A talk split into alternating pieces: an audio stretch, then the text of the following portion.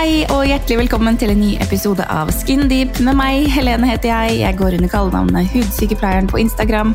Og dette er podkasten for deg som er litt over gjennomsnittet interessert i hud, velvære, beauty og alt som faller inn under de kategoriene. Hver uke tar jeg et dypdykk i et nytt tema, og jeg har med meg mange spennende gjester. Så hver fredag finner du en rykende fersk episode der du hører podkast. Så stay tuned.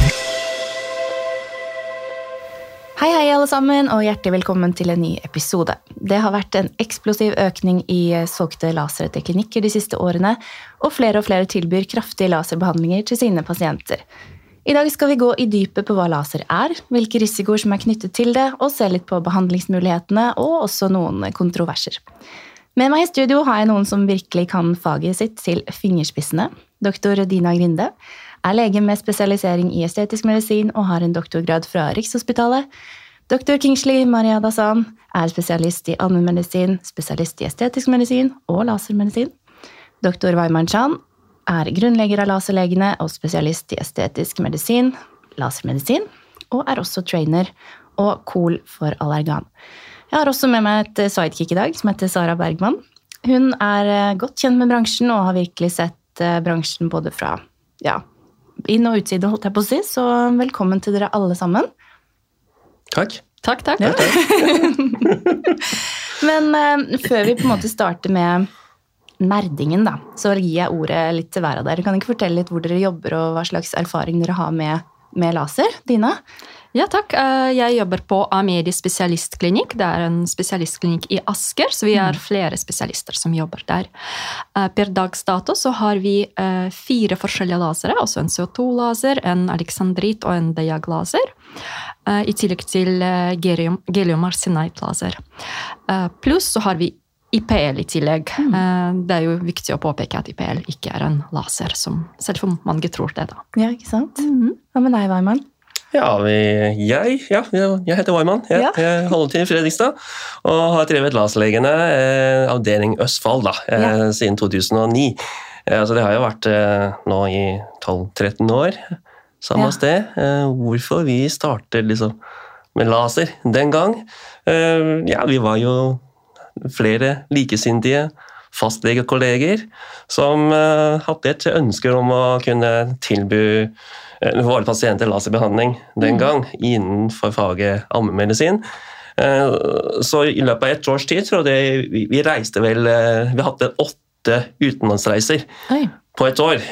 Vi oppsøkte alt som kunne være av, fantes av kongresser innenfor dermatologi, og vi besøkte forskjellige produsenter ja, i forskjellige steder. Og ja, for, for å få en, en, oversikt over hva som er da kunnskap og, og standarder mm. eh, som, som, fantes den gang. Det har jo vært en rivende utvikling for så vidt de siste ti årene. Ja, så, liksom, ja, Laser er ikke bare laser. Liksom, da, det fantes jo laser, lys og termalenheter, ja, såkalt.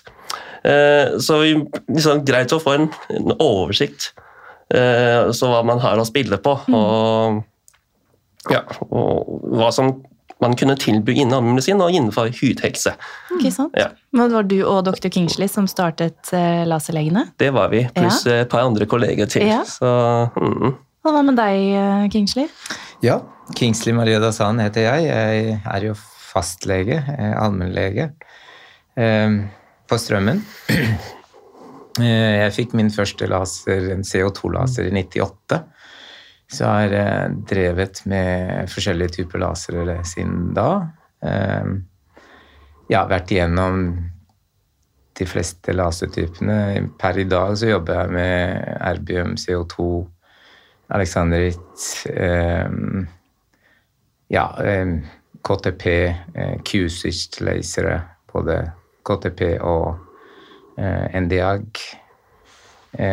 Ja. Yes. Også jobbet en god del med såkalt LLLT. Low level laser therapy i ja. mange år. Ja, jeg veldig glad i laser. Ja, det tror jeg. Ja, det, det, høres Du har hele parken, rett og slett. Ja. ja, stort sett. Men du da, Sara? Du Fortell litt om deg sjøl, da. Ja, jeg jobber eh, for det meste med kurs og seminarer. eh, Og markedsføring og innholdsmarkedsføring innenfor estetisk medisin. Så jeg jobber med litt forskjellige profiler i bransjen. eh, Jobber for eh, andre som ønsker å eh, ja, få markedsført arrangementene sine osv. osv. Eh, Tidligere så har jeg jobbet med fillersalg. Eh, Så har jeg hatt klinikk før det igjen. Så nå jobber jeg kun for meg selv og jobber kun med merkevarenøytrale arrangementer. Syns jeg er veldig, veldig gøy. Det er veldig kult.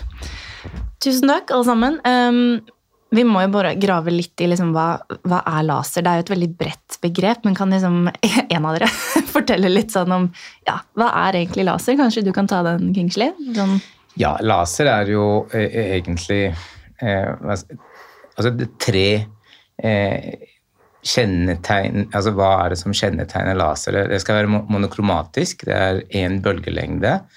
Eh, sånn i hovedtrekk, da. Det er jo Selv om liksom eh, f.eks. en CO2-laser skal være 10 1600 nanometer i bølgelengde, så har du også 9600 i det, men, men det er så lite kort forskjell fra 9000 til 10600, så vi kaller det monokromatisk. Ja. Monokromatisk betyr bare at det er én bølgelengde.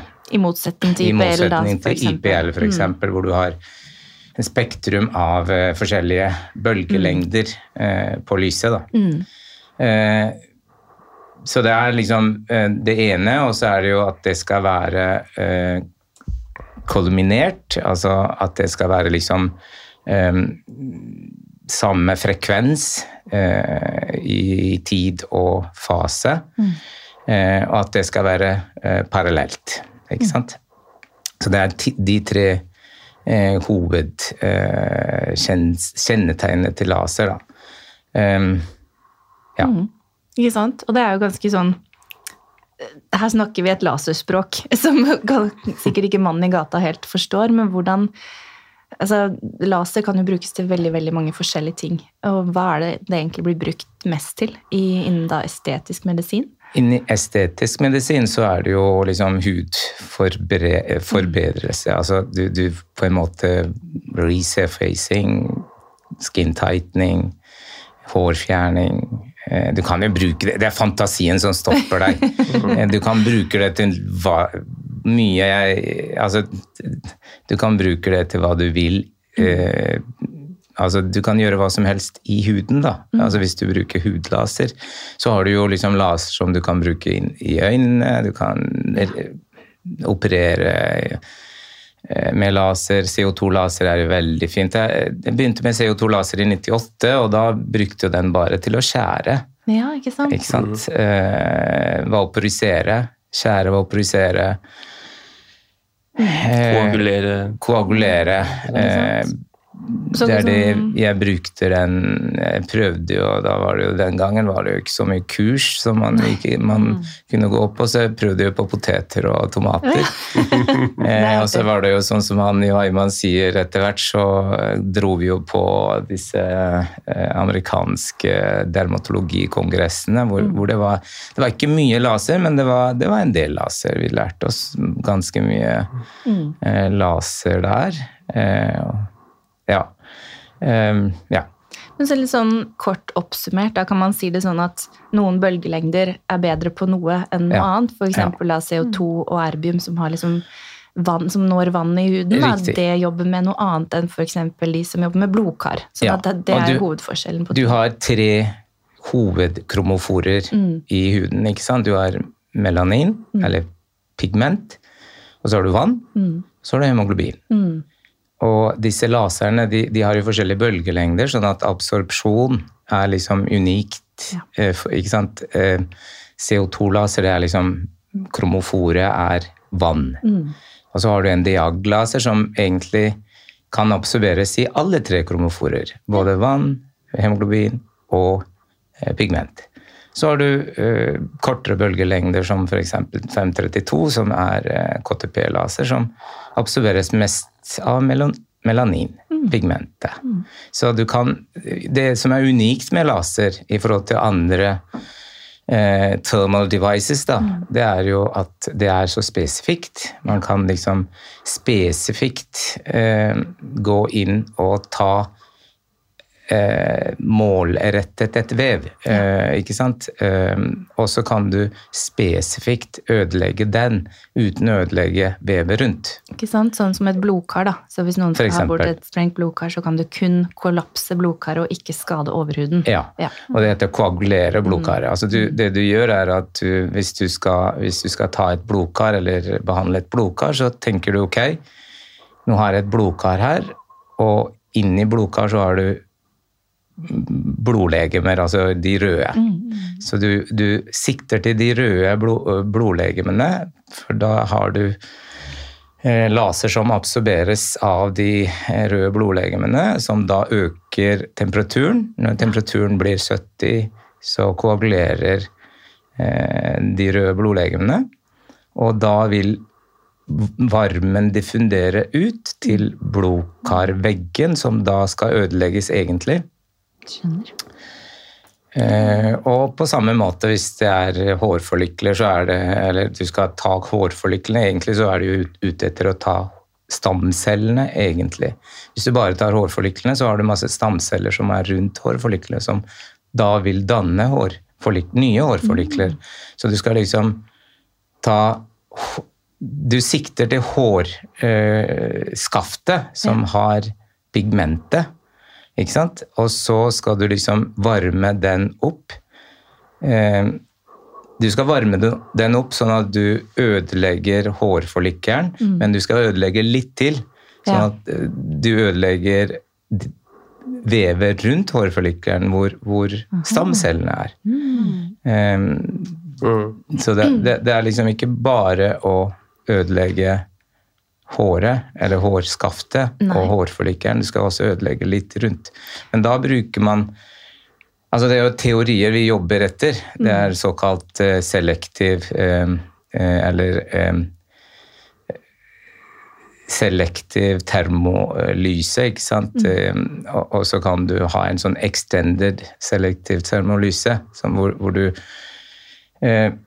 disse teoriene, Den første teorien kom i 83, eh, og da er det liksom du skal selektivt gå og skade et vev, f.eks.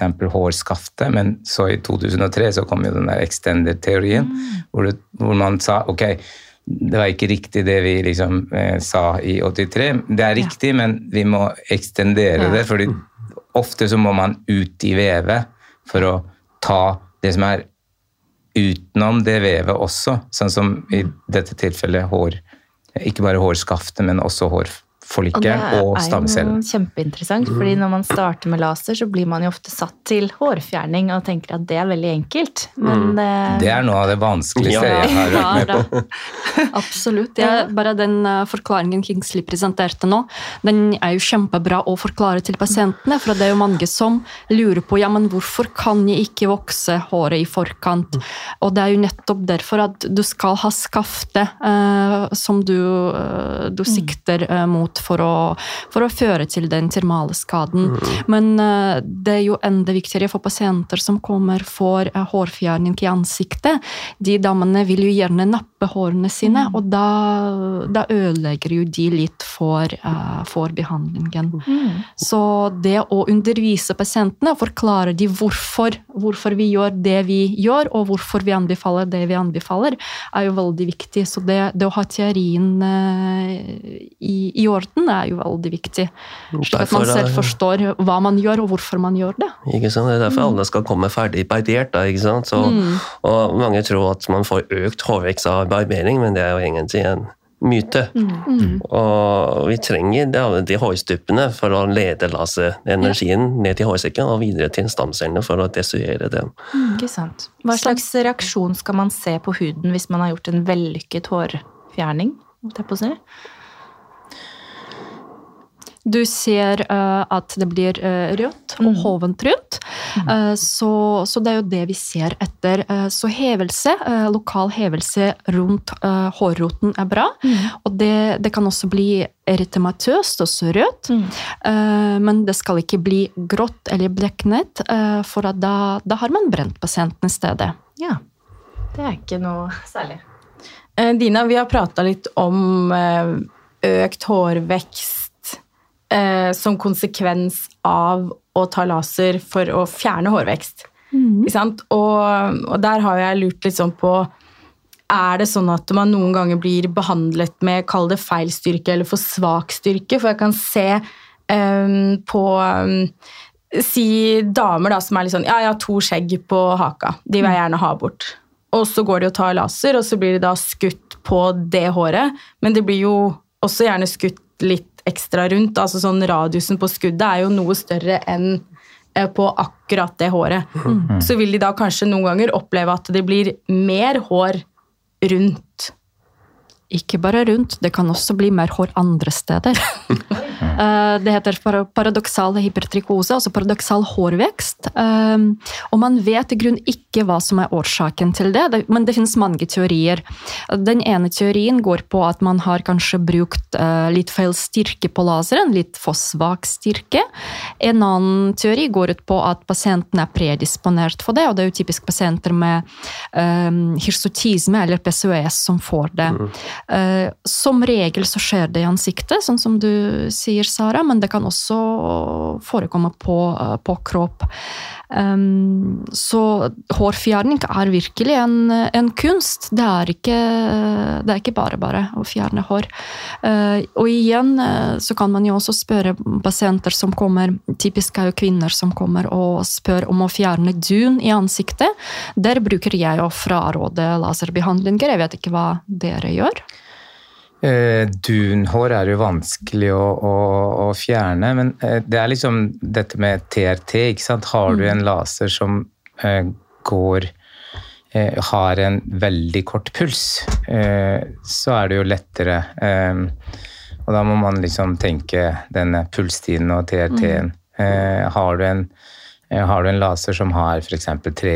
to til tre millisekund eh, i pulstid, så kan man jo prøve, men da må man samtidig være obs på at eh, overhuden, eller epidermis, har jo en TT på ca. 1 millisekund, så man kan fort brenne eh, brenne overhuden. Så det er liksom det er en del ting du må tenke på. Og dessuten, som, eh, som, som du sier, eh, det er viktig at du kjører ordentlig fluens. Ja. Um, uh, man er litt forsiktig av og til, ikke sant? Uh, og så kjører man lav fluens, og det, kan, det kan straffe seg. Og det, da kan du bl.a. få paradoksal uh, hårvekst. Forklar litt hva fluens er, Kingsley. Forklar litt hva fluens er. Fluens er energien. Det er energien du får ut av maskinen per puls. Eh, per eh, skudd. Men når jeg hører deg snakke om dette, så får det meg til å tenke på sånne hjemme-IPL-bokser. Ja. Alle bare mm. Har det noe for Har det noe for seg? Ok, jeg, jeg plukket opp stemningen på det allerede, men kan noen forklare hvorfor det ikke funker så bra, da? Eh, altså, jeg tror det funker på den måten at du får en epilasjon. ikke sant? Du, du får en du, du brenner hårskaftet. Eh, og så tar det litt tid før liksom, eh, hårforlyklene kommer i gang igjen. Eh, det blir jo aldri permanent hårfjerning. Til og med hvis du fjerner hårforlykkelen, så er det jo ikke permanent hårfjerning. For du må liksom ta stamcellene eh, også. Eh, så eh, at det funker på en måte, det gjør det nok. Og det funker å barbere også. Så Helt riktig. Men kan man liksom eh, stole på at klinikker har maskiner som, som, som er gode nok til det de skal gjøre, eller er det, er det, er det den som står bak maskinen det står mest eh, ansvar på, holdt jeg på å si? begge deler. Ja, begge deler. Ja. Jeg kjenner en klinikk, eller egentlig ikke en klinikk, hvor eh, det tilbys en eh, laserbehandling med IPL fra Elkjøp, så da Ja. Da tror jeg ikke det blir så veldig gode resultater. Ja. Ikke noe servicer på det heller. Nei, nei, ikke sant. Det, det skulle jeg si også. Servicedelen må man også passe på. At Ja. eh, faktisk man får ut energien man egentlig Ja. ønsker. Det er jo faktisk lovpålagt å kalibrere laserne en gang per En gang- år, eh, slik at eh, man vet at det man har stilt inn på maskinen, er det man også får ut. Og det, det er lovpålagt. Ja, Ja. for det er jo høy energi vi holder på med. Det er jo klasse fire Ja. laserenheter. Ja. Det er, jo, det er jo loaded guns vi har på kontorene, Mm. eller klinikkene. Det er, du, kan, du kan brenne, du kan gjøre så mye ja, stygge ting. Mm. Så man må vite hva man driver med.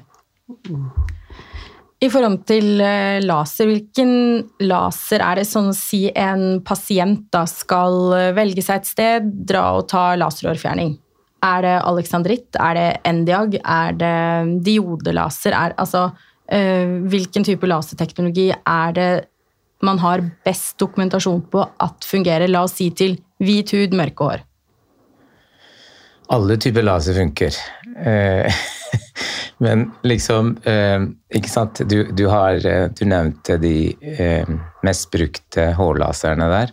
Mm. diode er bra, men problemet med diode er eh, at Veldig, veldig vondt. Uh, ja uh, Ikke bare det, det men det er, det er, du får ikke nok energi ut av en diode, fordi diode er en semiconductor laser. Ikke sant? Det er ikke en laserrør uh, med gass eller, eller en, en DAG-laser hvor du har stoff, ikke sant? en fast stoff i, i, i den optiske boksen. Eh, så her, er- du får veldig dårlig eh, energi, og dermed du klarer ikke å lage en diode med kort puls. Så du, du får, eh, du får en, en laser som er langpulset. Veldig fint for mørk, tjukt hår med, med lys eh, og mørk hud.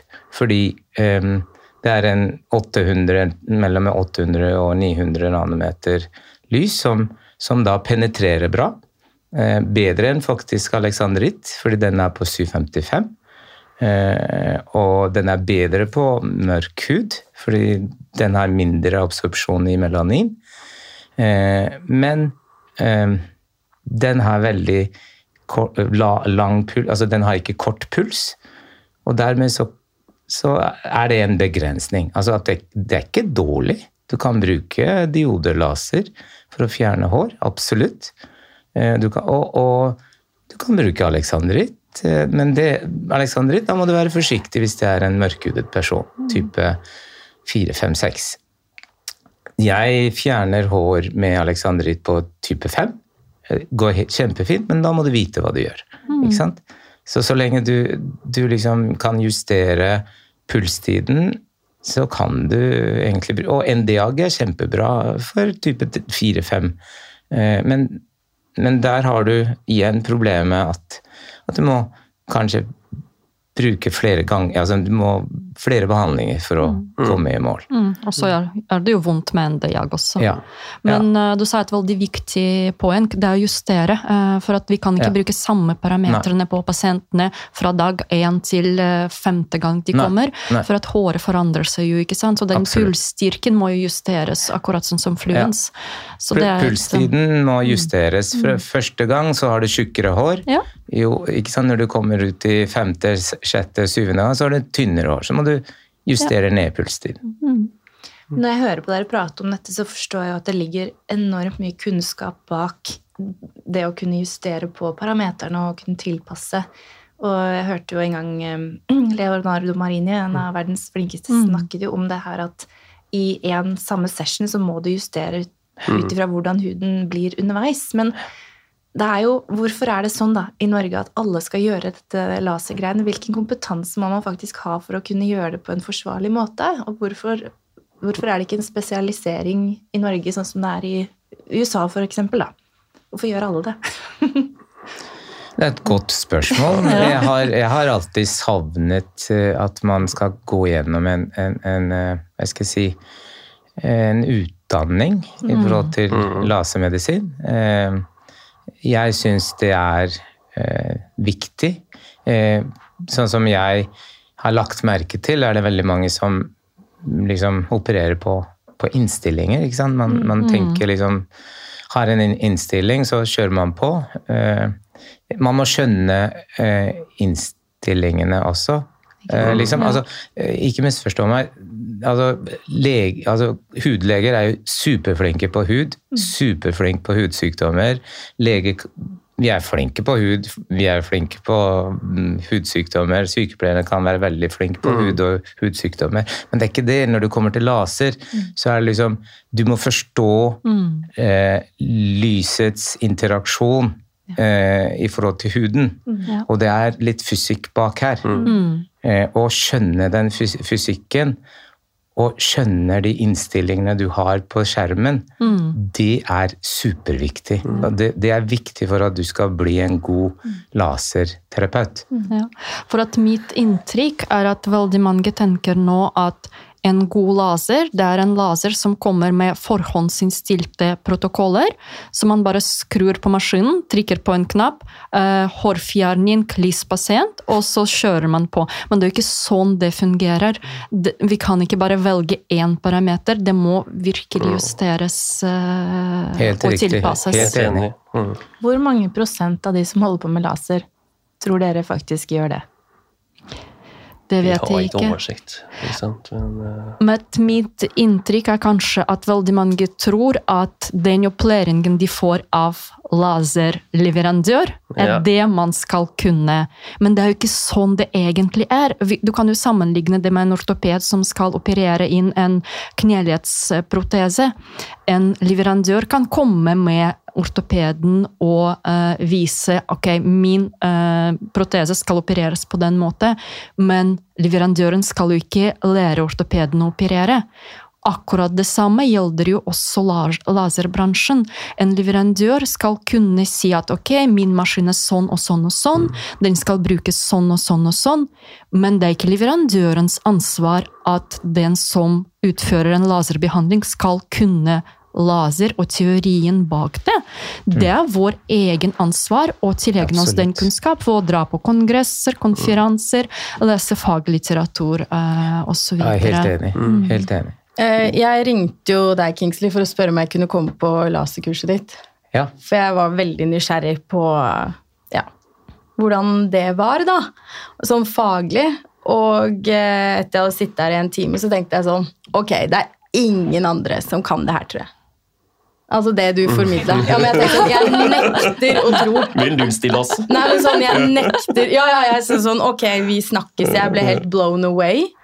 Eh, og, eh, og, jeg tenkte at eh, ja, det, Jeg tror ikke det er mange som besitter den kompetansen du har. Så liten sånn shout-out til akademiet ditt. Eh, og de som kjøper seg lasere, burde oppsøke akademiet ditt, eller altså, noen Absolutt. som virkelig kan laser. Mm. Uh, for, uh, for, der var det ikke snakk om liksom parametere, innstillinger, ditt og datt. Det var liksom hva skjer faktisk? Mm. Uh, hva skjer under huden? Hva, hva, skjer med Altså det du ikke mm. ser. Og det er kanskje det jeg er litt sånn Blir litt sånn bekymra for, egentlig. Og sånn Helsepersonell har jo et ansvar for å besitte den kompetansen de skal ha for å kunne utføre en behandling. Mm. Men hva hvis man tenker at dette er godt nok?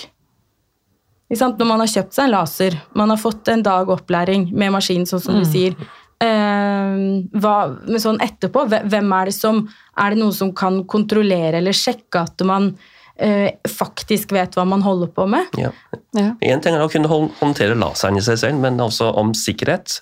Om, og ikke minst om komplikasjonshåndtering mm. i etterkant hvis noe galt skjer. Og Vi må også ha kompetanse til det. Alle gjør jo feil. Men sant, eh, hvis du sikter på lovgivningen, så er det jo Direktoratet for strålevern og atomsikkerhet. De fører jo tilsyn med lasere, og alle lasere skal være registrert der.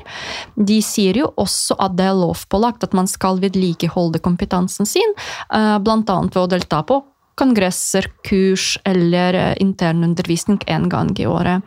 Eh, og så er det jo også at vi har eh, lovgivning i forhold til helsepersonelloven, som sier at man skal kun utføre de behandlingene man er kompetent til å utføre. ikke sant? Du skal besitte kompetanse.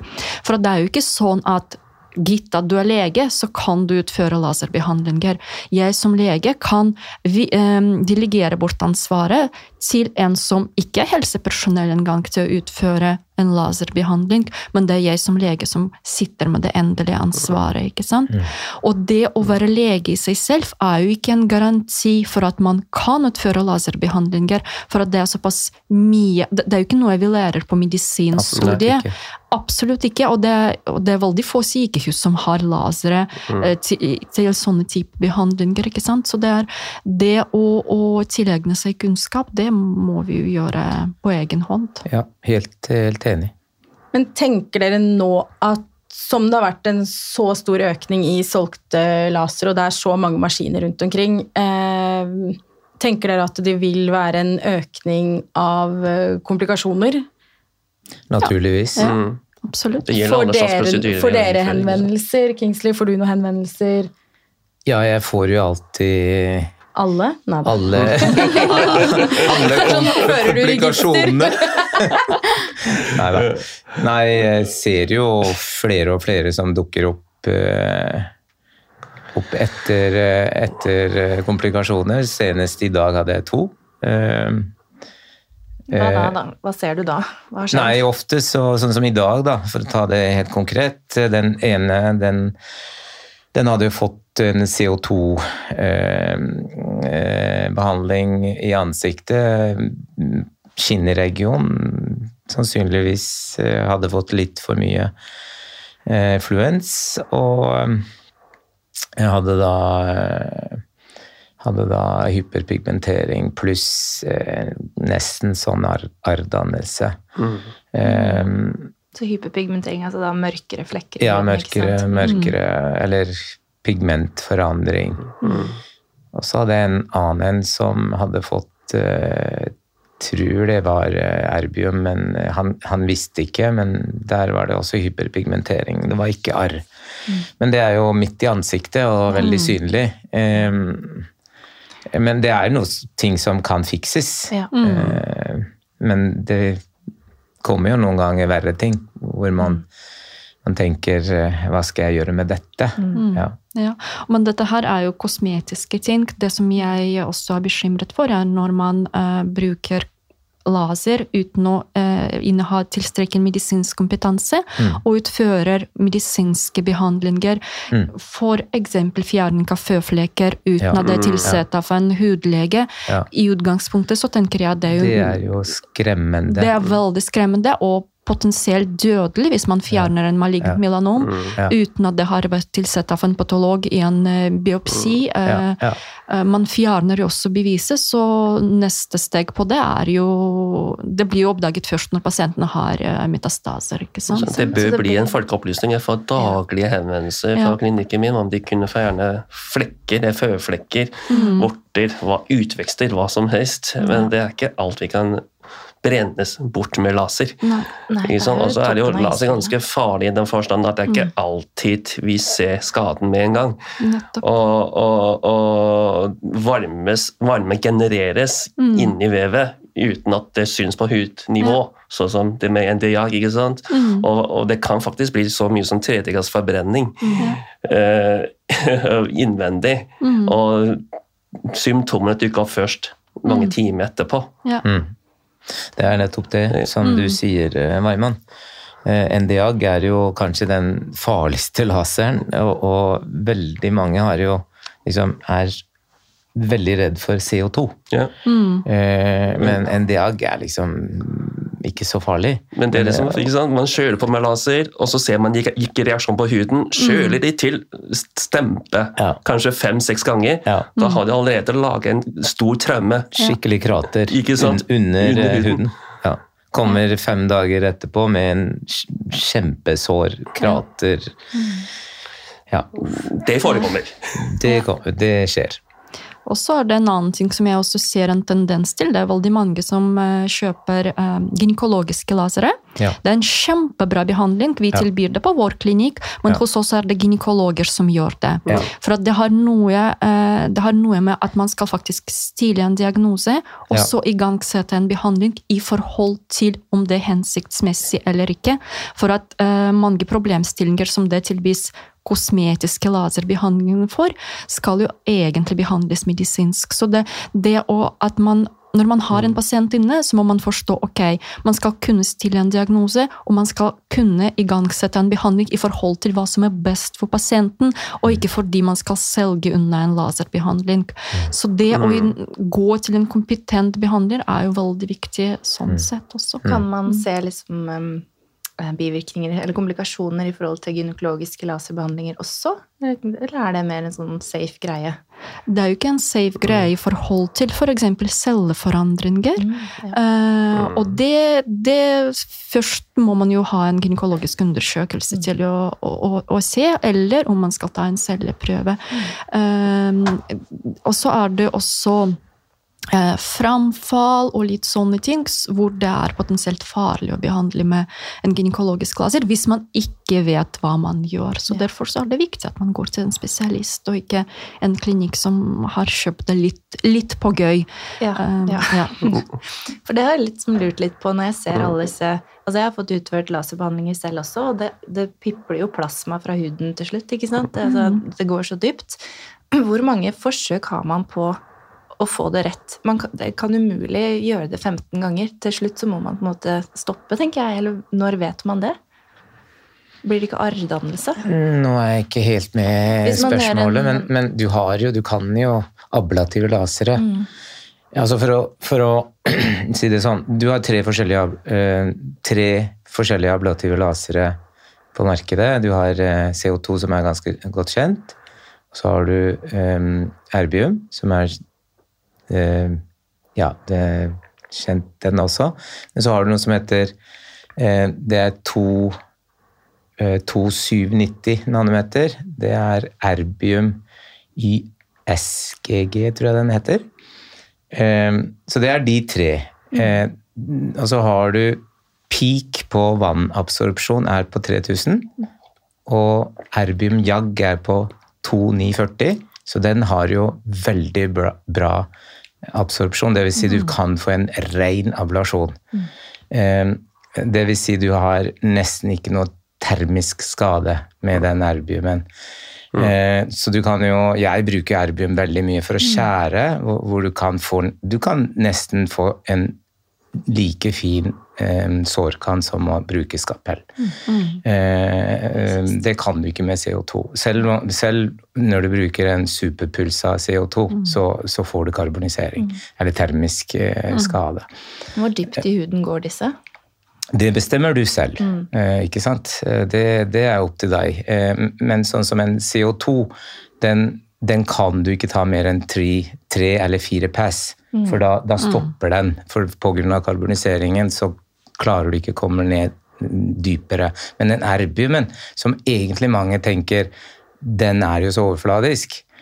Den er overfladisk, mm. det er riktig. Det er 16 ganger eh, mindre penetrasjon fordi erbiumen absorberes så godt mm.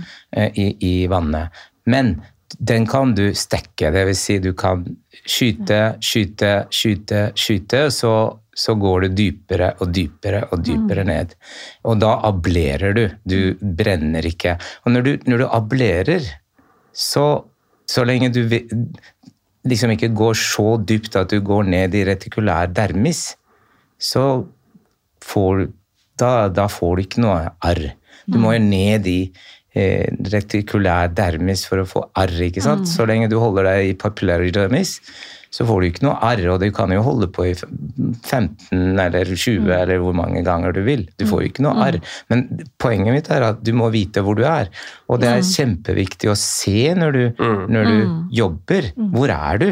Hvor, hvor, langt du, hvor, langt er du, kommet? Er du, er du i, i, epidermis, er du i papillary-dermis, eller, eller, er du nede i retikulærdermis? Da må du jo stoppe. Handler det om blodsvar du får eh, opp? Ja, altså du, når det begynner å komme punktformige blødninger, så kan du tenke da er du i papillary-dermis. Det kommer jo an på hva slags eh, om du bruker erbium eller om du bruker CO2. Men hvis, si at du bruker CO2, da så hvis du ser at det er sånn pusseskinnaktig sånn eh, gult, da er du nede i retikulær dermis. Da får du arr. Da er du jo allerede kommet for dypt. Ja. Så du må jo se hele tiden hvor er du. Ja. Det er, en, det er en stor kompetanse å inneha. Men for å kunne se det her, så må man jo ha jobbet med det en stund. Ja. Ja. helgekurs. Og, og da er det jo alltid noen pasienter som har vært en nummer én, nummer to, nummer tre, Ja. før man lærte seg Ja. å se det her. ja. Det Det er synd det. for de første. Ja, ja, sant? Men noen ganger så blir det jo litt sånn Men- men ikke- stedsmedisin. da, Litt sånn fritt for å ikke være de 150 første. Men ikke sant, hvis du vet eh, Altså hvis du kan teorien At liksom uh, her, er det, her er det liksom rosa. Ok, da er jeg i kanskje overgang eh, papillary til uh, retikulær dermis. Greit, dette, fik, dette fikser jeg. Men hvis du kan den teorien, så kan du jo liksom se etter. Det- Du skal jo se etter. Oi, nå begynner det å bli gult. Da må jeg stoppe. Så du må ikke ha gjort masse feil før du lærer det. Kan du teorien, så kan du liksom se etter og, og stoppe der du skal stoppe. Problemet er jo når du ikke vet hvor du skal stoppe. Men da må du kunne teorien. Da må du kunne teorien. Og hvor får man teorien? Lærebøker. Og lærebøker. Man kan dra på, På kurs, kurs. hos Ginskli f.eks. Jeg kan også varmt anbefale um, Det, det finnes et um, European Society for Lasers and Energy-Based Devices. ja. blant annet med Leonardo Marini, som du nevnte, som eh, sitter i, i læringskomiteen der. Jeg har vært på deres sommerskole. um, og De rullerer litt på hvor sommerskolene er, men eh, det kan jeg varmt anbefale. Der, eh, de potetene som du nevnte innledningsvis, da sitter man med laser og poteter og auberginer og, og chilien. Ja, men det er og, og sånn du lærer. Det er, jeg lærte så mye av det der. Og det, nå når jeg snakker med eh, ja, både kolleger og sykepleiere, så spør jeg har dere prøvd det. Har dere prøvd det på tomat? Det er veldig få som har prøvd det på tomat og poteter. Eh, De, de går jo rett på På mennesker. på mennesker. Så ja, jeg husker jo de første tiden jeg prøvde på poteter og tomater lenge før jeg gikk løs på mennesker. Ja, ja chilien er også veldig bra for CO2 i hvert fall. Ja. ja. Jeg lurte liksom på i forhold til Det som er veldig trendy nå av type behandlinger eh, med laser, er jo hudforbedring. Altså Ja. jobbe med Ja. hudkvalitet eller Ja. Eh, så vi forbedrer hud, men forbedrer fra hva til hva? Altså, det, det blir så veldig sånn bredt av hudforbedring. Eh, er det sånn at uh, hva, kan man liksom fikse alt med en laser? Altså hudforbedring, kan man få mindre porer? Er det arrdannelse man Altså arr man jobber med? Uh, aknearr? Eh, er det slapp hud? Altså, kan, kan man liksom fikse alt? Ja. Ja. Og er det da sånn at jo rødere du blir, og jo mer du blør, jo bedre resultat får du? Eller Nei. Nei. Nei. Nei. Eh, altså, eh, hvis jeg skal svare, da. Eh, før, i tiden, før i tiden så hadde vi jo eh, når, når jeg liksom begynte med laser, så hadde vi bare CO2. Eh, det fantes ikke noe eh, annet. Eh, så da måtte du bare før, var det ikke skanner heller. Så du satt med Altså CO2-strålen er ja eh, Si en millimeter eller under det, så satt du med den strålen og pirka i huden. Eh, tok veldig lang tid for å liksom lage en pattern eller en mønster i huden. Sånn fraksjonert mønster. Men i dag har du skannere som gjør det på noen sekunder. Eh, ikke sant? Du, kan, du kan ta hele ansiktet på, på fem minutter. Eh, før, før måtte du bare Og så ble det jo ikke jevnt heller. Men Da, da hadde vi bare den muligheten. Men i dag, sånn som vi har jo ab, Innafor ablativ laser så har du både fraksjonert, full beam, og så har du non-ablative lasere hvor du både har fraksjonert, full beam. ikke sant? Um, fraksjonert betyr bare at en, bare en del av huden, eh, 5-10 eh, når vi snakker om CO2, eh, 5-10% av hudoverflaten blir behandla, resten står igjen. Sånn at tilhelingsprosessen er mye fort, det går fortere. Så nedetid er mye kortere. Eh, I motsetning til en fullablativ eh, fullbeam-behandling. Eh, og så har du de her non-ablative. ikke sant? Du har nesten ikke noe nedetid. Mm. du har ikke nedetid. Mm. du blir litt rød, that's it, ferdig. Eh, men effekten, gullstandard, er jo eh, Hvis du skal liksom få en virkelig forbedret hud, så er det jo CO2. Forrynker. Og for rynker, Ja. ja. Men, men du Men ikke for akne. Nei, ikke- nei. Men du kan jo få li, Du kan få veldig bra effekt på non-ablative lasere, men likevel så er det CO2 som har best effekt. Men det er jo ikke, ingen, ikke alle som vil sitte hjemme i to-tre uker. Nei. Nei. For nå er det jo veldig populært med sånne bare termale altså, Hvor du bare varmer opp huden da, og liksom, over en lengre periode for å danne mer kollagen. Har det noe vil, vil det også ha en effekt, eller så Ja. Absolutt. Ja, absolutt. Eh, Typisk ND-jag, for eksempel, som vil eh, varme opp. Men det, og det er jo lasere som ikke har noe nedetid omtrent, så det, det er veldig populære behandlinger sånn sett. Men samtidig så tenker jeg også at pasientene kan tenke at når de skal ta en laserbehandling, så forventer de kanskje at de ser eh, effekten litt mer med en gang. Og det gjør du ikke med en sånn typisk eh, eh, laser som skal varme opp eh, eh, og en annen ting som jeg også tenker er viktig å huske på, er at dette er jo ikke en drop-in-behandlinger som vi gjør. For at du skal jo forberede pasienten, huden skal forbehandles, og jo mer aggressiv du skal gå eh, i behandlingen din, jo mer må du forbehandle huden, typisk med litt eh, A-vitaminprodukter. Samtidig som du også skal lage en plan for hva skjer etterpå. eh, Hvordan skal du behandle huden din? Og det er ikke bare for å unngå komplikasjoner, men også for å få best mulig resultat. Um, også er det viktig å huske at lasere har um, hva skal jeg si, en litt sånn sesongvariasjon. Du utfører ikke laserbehandlingen midt på, på sommeren. Um, Men er det fordi vi nordmenn er dårlige på å håndtere sol? For jeg tenker de gjør jo det i Ja, Los det kan- Angeles. Men eh, Der har du ikke noe valg. Men det jeg ser eksempelvis for å gå bort fra huden, eh, andre typer behandlinger som er veldig populære, er jo å fjerne sprengte blodkar.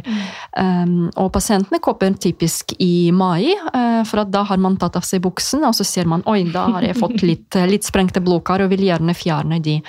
Eh, men det er jo ikke så veldig lurt å utføre en laserbehandling, og for så vidt heller ikke sklerosering av sprengte glo- blodkar i mai.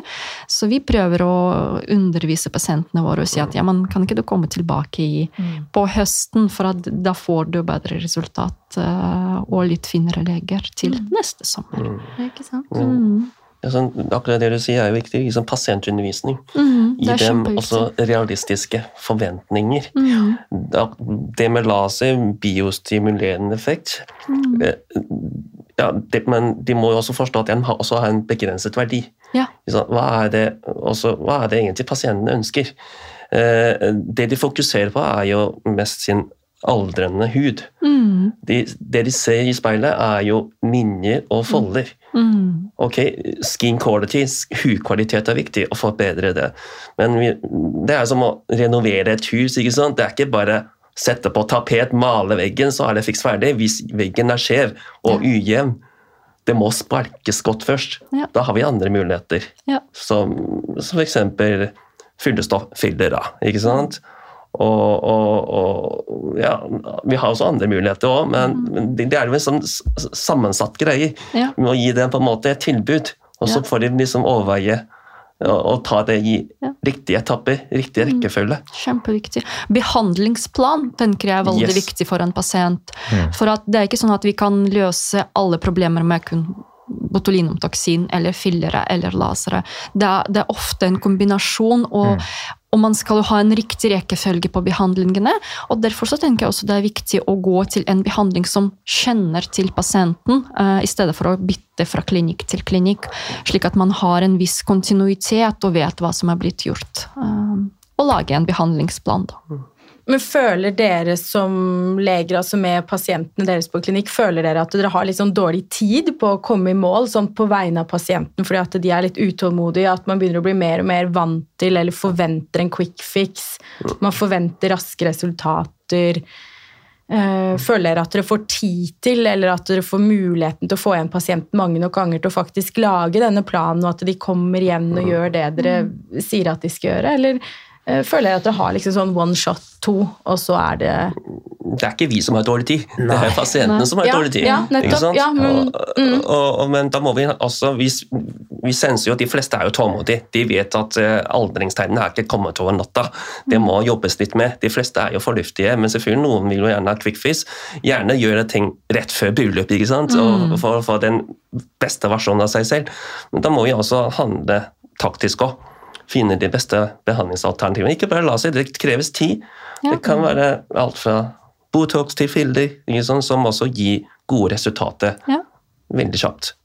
Det er Og naturlig, ikke minst. Ja. viktig med, som du sa, Weimann, det er litt viktig med undervisning. Ja. Eh, fortelle pasientene hva de kan forvente. Eh, tidsaspektet. Eh, jeg bruker alltid å si Får du en laserbehandling, eh, en CO2, erbium, et eller annet, så er det liksom du Du på en måte stimulerer dine celler. Altså, jeg- Vi putter ikke noe inn der. Vi stimulerer dine celler, og så må de, dine celler eh, motta signalet, og så begynne å jobbe.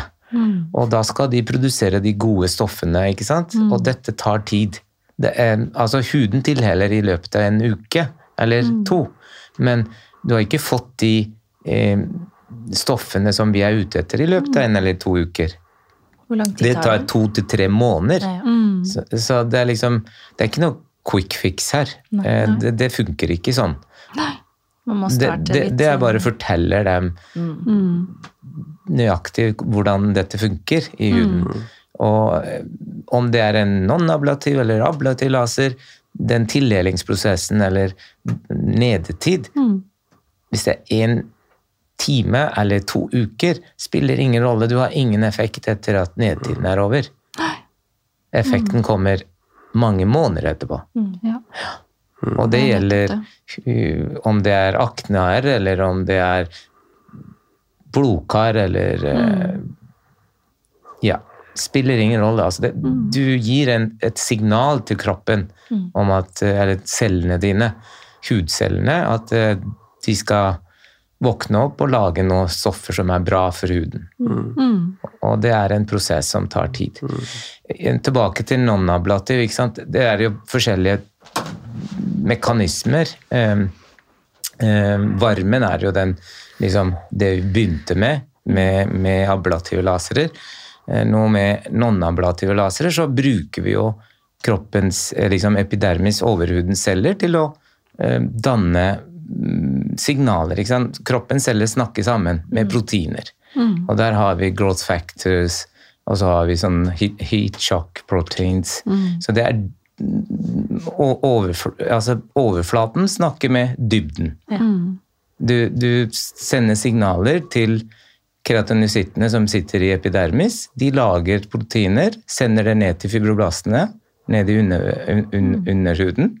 Og da begynner de å eh, jobbe. Så det, det er jo mekanismer her, og det er prosess. Det tar tid. Det er kult, da. Så man burde kanskje starte litt før enn to måneder før et bryllup, da, med andre ord. Ja. Ja. Er. Eller seks måneder før. Ja, ja. Gi det litt tid. Men er liksom, hvordan gjør dere i forhold til pasientseleksjon? Er liksom laser for alle, eller er det noen som ikke burde gjøre det?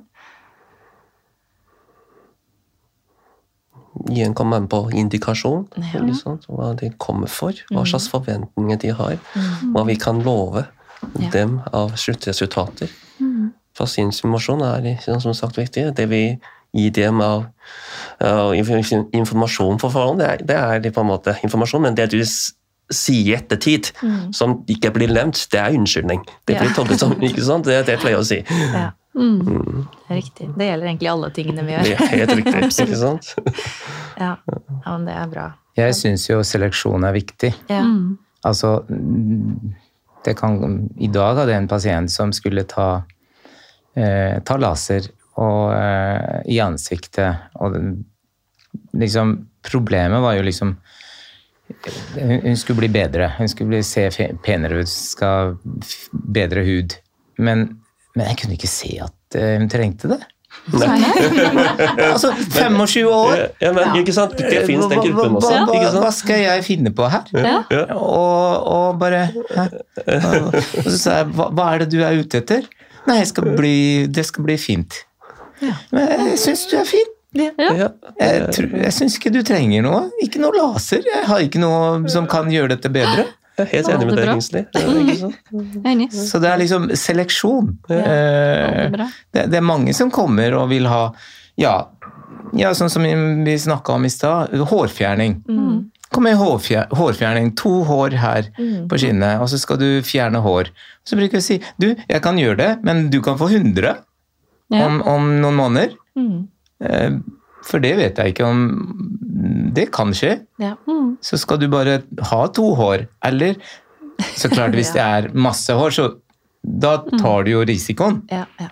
Men hvis du har så lite hår, og skal du fjerne hår, da bruker du å si nei. Det syns jeg ikke vi skal gjøre. Og det, det er kjempeviktig med seleksjon. Men hva gjør de som har to år, da? Er kanskje elektrolyse, Elektrolyse. det beste? Ja, Ja. jeg bare tenkte det er greit å liksom Ja. bare si det høyt, da, for Ja. da kan man gå konkret på det ene håret, Ja. fjerne det, eller de to, og så er man, Så er ferdig. så er man Ja. ferdig. Ja. Eh, Så laser er ikke optimalt for de som har to hår. Eh, Nei, nei jeg, jeg sier nei. Mm, jeg også. Dina, Spesielt enig? litt eh, eldre kvinner som også har begynt å få grått hår. De Ja, sender det på du- elektrolyse. Ja. Ja. Ja. Og, og mm, veldig bra poeng der. Altså, hvis, du, hvis det er eldre post, eller premenopausale kvinner kommer for å fjerne hår, de har to grått hår, og så kjører du laser, så kan alt bli grått. Mm. Og da, da, er det, da, er, da, er, da er det ikke noe retur. Nei. Eh, Ja. Du får ikke behandla grått hår. Så da har de masse grått hår. Det er fordi du slår ut melanocyttene. Mm. Eh, og da blir alt av håret grått, og laseren kan ikke gjøre noe med det. Og that's it. Og det er også en ting jeg, jeg bruker å si fra. Hør her, jeg, jeg kan ta dette her, men jeg syns det er veldig lite hår, pluss at du har noe grått hår her, og du har litt, litt farge på håret. Risikoen her er at hvis vi er heldige, så går det bra. Og hvis vi er heldige, så tar vi all fargede hår, unntatt de grå du har. De får vi ikke tatt. Sånn. Eh, risikoen er at alt blir grått, Eh, og så er det opp til deg. Så det er veldig greit å si fra. Akkurat det poenget sier, ikke sant? men med hår at det blir, mister fargen. Men når det gjelder hud, da, det er En ting er hyperpigmentering.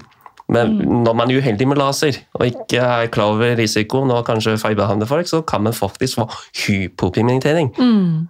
Og det er mye verre å håndtere enn hyperpigmentering. Hvite flekker, da. Hvite flekker. Det, Ja, kan man du får egentlig aldri- fikse det?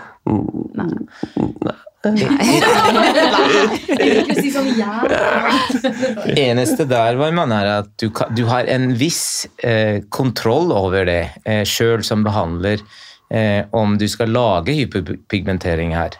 Men, men når det gjelder hår, så føler jeg at jeg har ingen kontroll. Nei. Nei. Eh, plutselig så blir det bare grått alt sammen. Og jeg, jeg, jeg har gjort det så godt jeg kan, og likevel er det blitt grått. Det, det, det, vi har kontroll, men det er ikke alle som har kontroll. I, i, i, sorry. Det er sant, det. Men jeg ville bare poengtere at vi som har jobbet mye med laser og har god erfaring, vi sitter her og sier at grått hår kan ikke fjernes med laser, selv om du i teori kan det ved å eh, blokkere blodtilførselen. Men jo, Eller, eller plukke dem. Det Ja. jeg gjør, er at jeg plukker eh, grått hår, og da blør det jo. Ja, det er også en... Og da bruker eh, jeg blodet som kromofor og Ja. tar en deag. Ja. Så det funker, men, Men du må gjøre det spesielt. Det er, det er, eh, Det er Da må vanskelig. du sitte og plukke hvert år. Veldig teoretisk.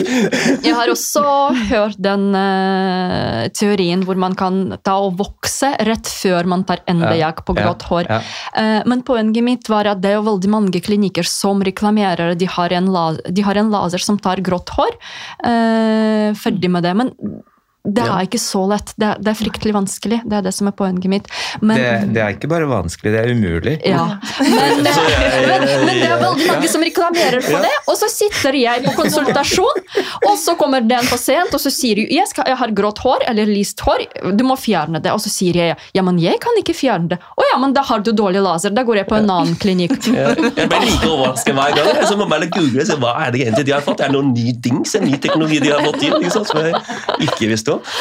Men eh, vi som eh, bransje kan jeg jo si har også litt ansvar for vi eh, For hvordan vi reklamerer for tjenestene våre. For at det er fryktelig rare forventninger pasientene våre sitter med, og det er jo vår egen feil, egentlig. For at eh, man kanskje er litt for optimistisk i den markedsføringen man, man har, da. Absolutt. Absolutt. Men jeg tenkte på i forhold til det at man gjør hårfjerningslaser, man gjør ablative eh, behandlinger med laser som gjør at man får støv opp i lufta eh, når man på en måte står og Mm. jobber. Det, altså jeg har- husker jeg leste en studie på det, at hvis man driver og puster inn dette her hver dag mm. som behandler, så tilsvarer det x antall sigaretter hver dag. Er det, hvordan burde man beskytte seg mot dette eh, som behandler? Jeg bruker alltid maske. Ja. Og avsug. Eh, eh, og avsug.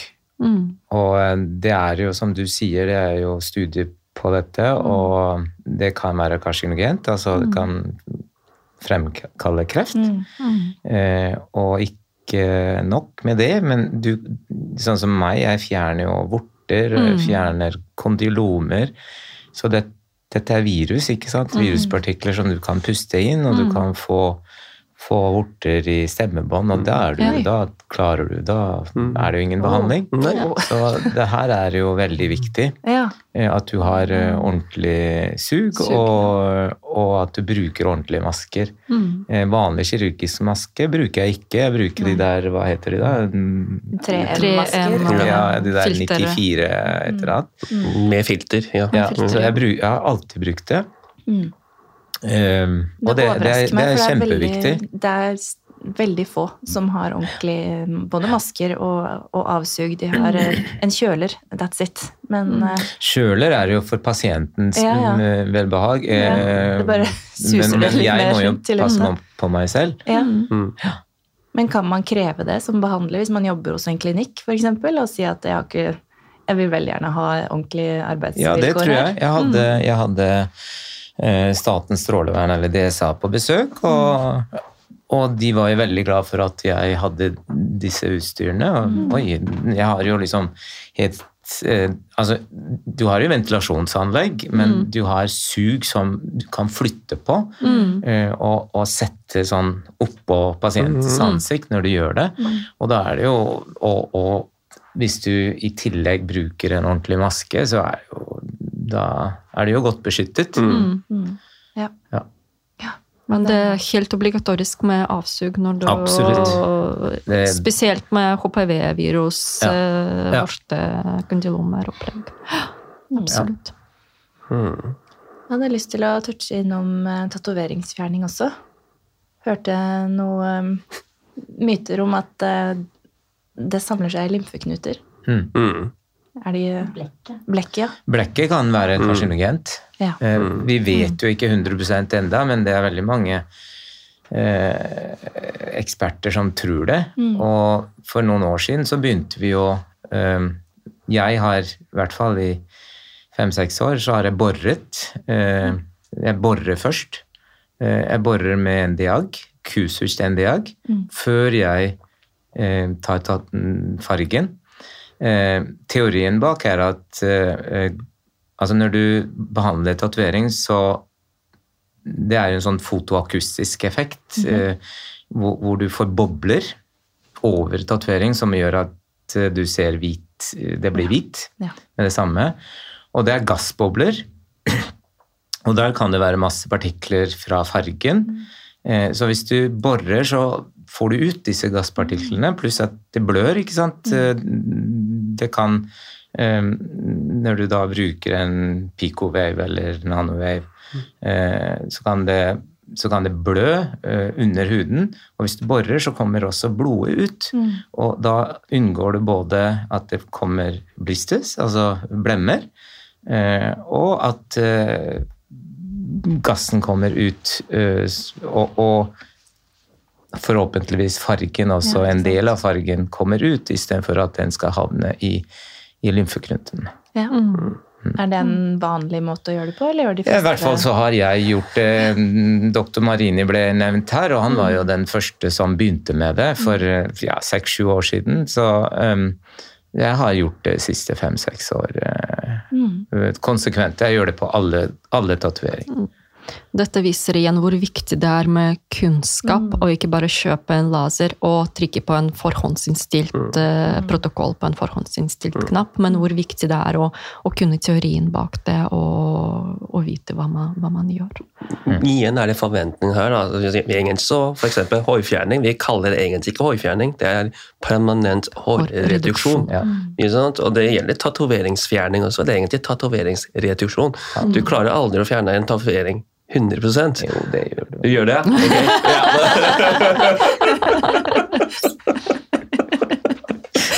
Show me. Jeg, eh, jeg tok eh, laserfjerning overalt når jeg var 20, og der, der er borte. Mm. Ja. Ja. Det er liksom helt borte. Ja. Eneste stedene det ikke blir helt borte, er de sånn si på armer hvor man kanskje Altså hvis man har litt tynne hår. Eh, det er kanskje de stedene jeg syns det har fungert dårligst, men sånn Ellers så er absolutt alt borte. Jeg har ikke hatt barberhøvel siden jeg begynte med behandlingene. Ja. Men så det- jeg syns det er fantastisk bra. Men jeg har helt lys hud og veldig mørk hår. Ja. Så det er Det er jo jeg er liksom den perfekte kandidaten. Og så har du ikke noen hormonforstyrrelser, ikke sant? Men, eh, mens en pasient sånn med. Men tilbake til tatovering. Det er jo det er ikke bare ensfarget tatovering. Det er jo mange typer Mm. sånn flerfarget tatovering.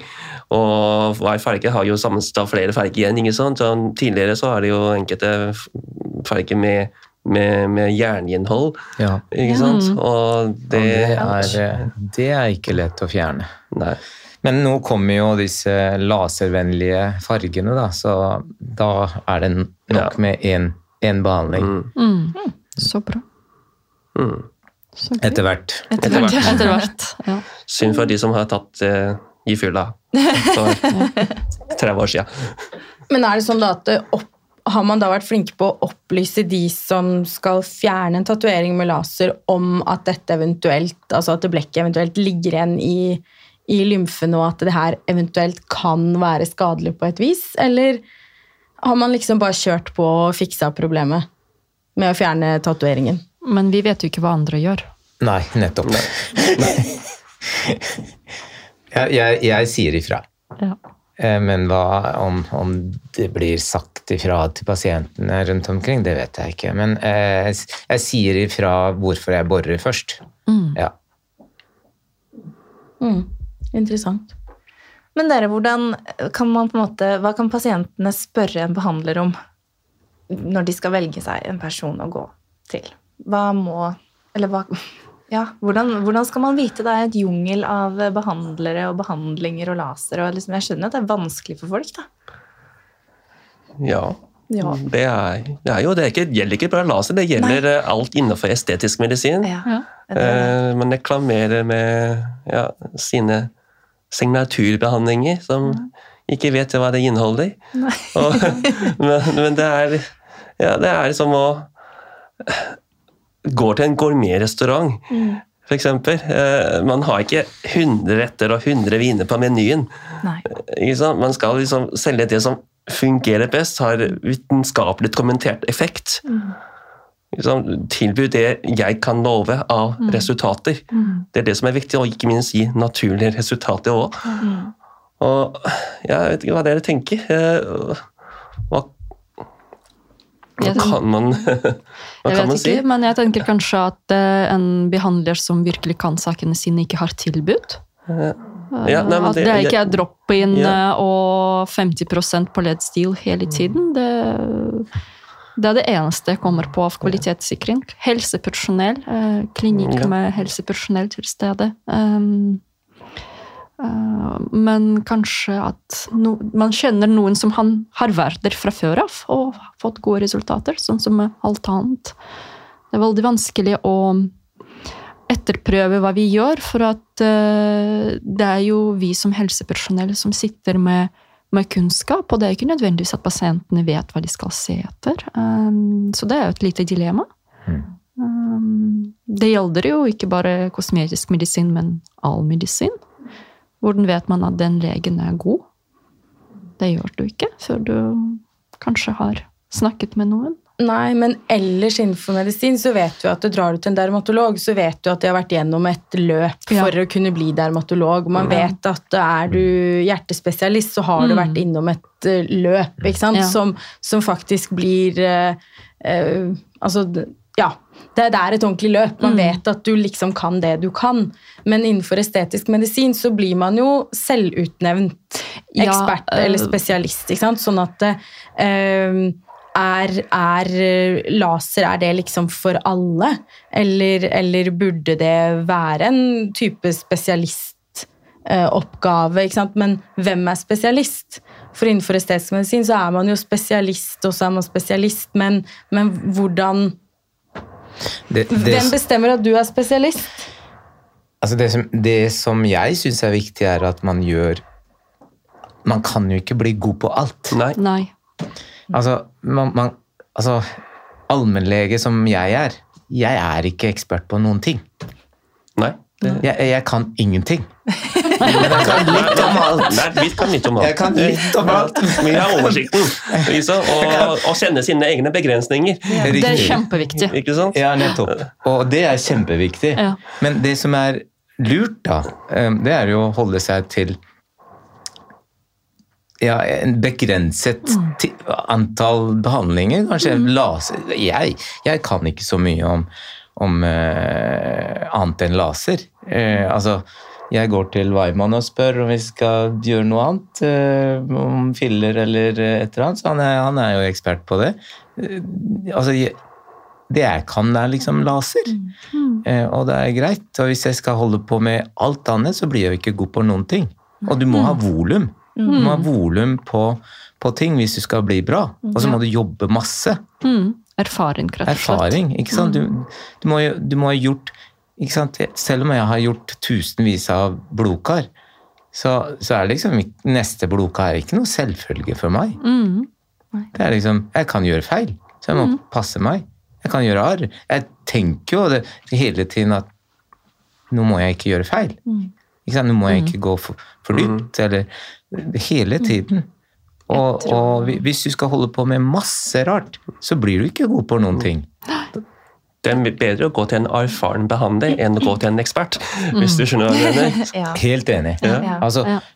du kan bli du, du må ikke være lege for å behandle blodkar, det mener jeg. Altså, Ja. Bare du, du har gjort, du har gjort eh, jobb, altså leksa di, gått på kurs, lært det der basicen, lært teorien ordentlig, eh, ikke er avhengig av innstillinger, men du forstår innstillingene, hva du gjør, hvor du er i huden. Mm.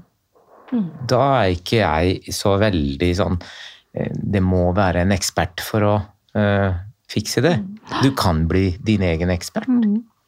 Jeg håper at de som har hørt på dette, kan lett på en måte høre på en behandler om det er en hvileputebehandler som bare tuner maskina og er ferdig med det, eller noen som er reflektert og faktisk kan det.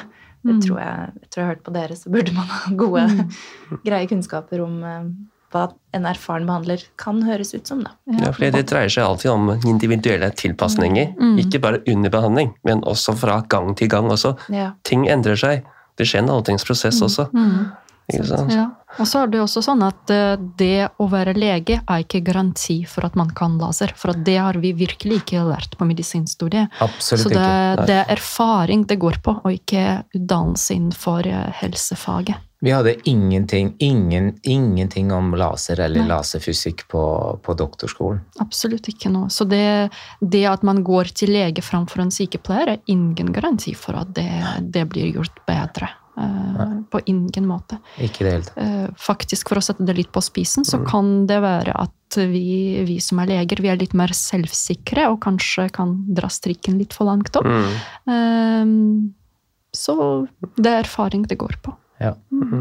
Hvis dere skulle fått utført en lasbehandling på dere selv, mm -hmm. hvem hadde dere dratt til da? Av behandlere i Norge? Du som sitter her. Ja. Vi kan gå på rundgang til alle tre. Ikke sant? Nei. Mm. Mm. Det er litt vanskelig, for det er liksom ikke noe Det er ikke eget fag enda innenfor medisin. Det er svært ønskelig å, å eksperimentere, ikke bare for, for lasermedisin, men for estetisk medisin generelt. At det er lettere for pasient, for forbrukere, forbrukerpasient heter det nå, ikke sant? Å, finne fram i jungelen. Mm. Eh, derfor også har vi ja, etablert Norfem, en bransjeforening. Prøver å sette en standard på, på, på, på, på ting, på prosedyrene, på det vi kan tilby av medisinske behandlinger. Mm. Mm. Senest i går så har det kommet men blir vedtatt i Stortinget, faktisk, hørte jeg nå. At, eh, at eh, det er eh, blitt vedtatt eh, 18-årsgrense på, på, på injeksjonsbehandlinger, blant annet. Så. Ja, Det er veldig, veldig bra. Det er på tide. Det er Det er på tide. Ja. Så Også hvis kun helsepersoner som får utføre de behandlingene. også. mm. Kjempebra. Men vet du når det blir presisert for at eh, en fotpleier jo også er helsepersonell? Helt riktig. Så det, det er ingen som vet ennå. Det kommer. Ja, det er bra. Så si uh, mannen i gata lurer på hvor de skal dra og gjøre en laserbehandling. Er det et eller annet sted man kan henvende seg for å kanskje få anbefalt noen? Det vil jo etter hvert komme en oversikt på Norfem sine nettsider over sertifiserte behandlere. Mm. Eh, Det kommer ganske snart. Man kan jo også henvende seg til, til Norfem. Og de, vi har jo, både jeg, jeg sitter der nå, Weimann har vært der i flere år. Og vi har jo en oversikt over de gode behandlerne. Så det er bare å spørre. Mm. Norfem 2018 heter vi på Instagram. Popper det inn der. yes. Nei, men dere, nå har vi prata en stund. Det var Ja. veldig hyggelig. Ja. Fy søren, kan ikke dere uh, Vi tar en liten runde på hvor de kan finne dere i sosiale medier. Uh, Dina, hva med deg? Hva heter du der? Jeg heter doktor Grinde. Mm. Her er doktor Wayman-Shan, eller laserlegene. Mm. Laserlegene eller Strommen laserklinikk Ja. Og Laserakademiet. og Laserakademiet. Ja, så hvis man eh, ønsker å få uh, kurs, opplæring fra den som har jobbet med laser lengst i Norge, så er det på Laserakademiet. Da må jeg jo legge til Amedi spesialistklinikk, da, siden jeg jobber der. Ja. Ja. Ja. Så det er bare å gå og follow, eh, folkens. Det er masse nyttig informasjon på deres eh, nettsider. Så um, tusen, tusen hjertelig takk for at dere ville komme hit i dag og dele kunnskap. Det setter jeg utrolig stor pris på. Takk for oss også. Takk for oss. invitasjonen. Tusen hjertelig takk. Vi høres igjen neste uke. Ha det! Ha det. Ha det.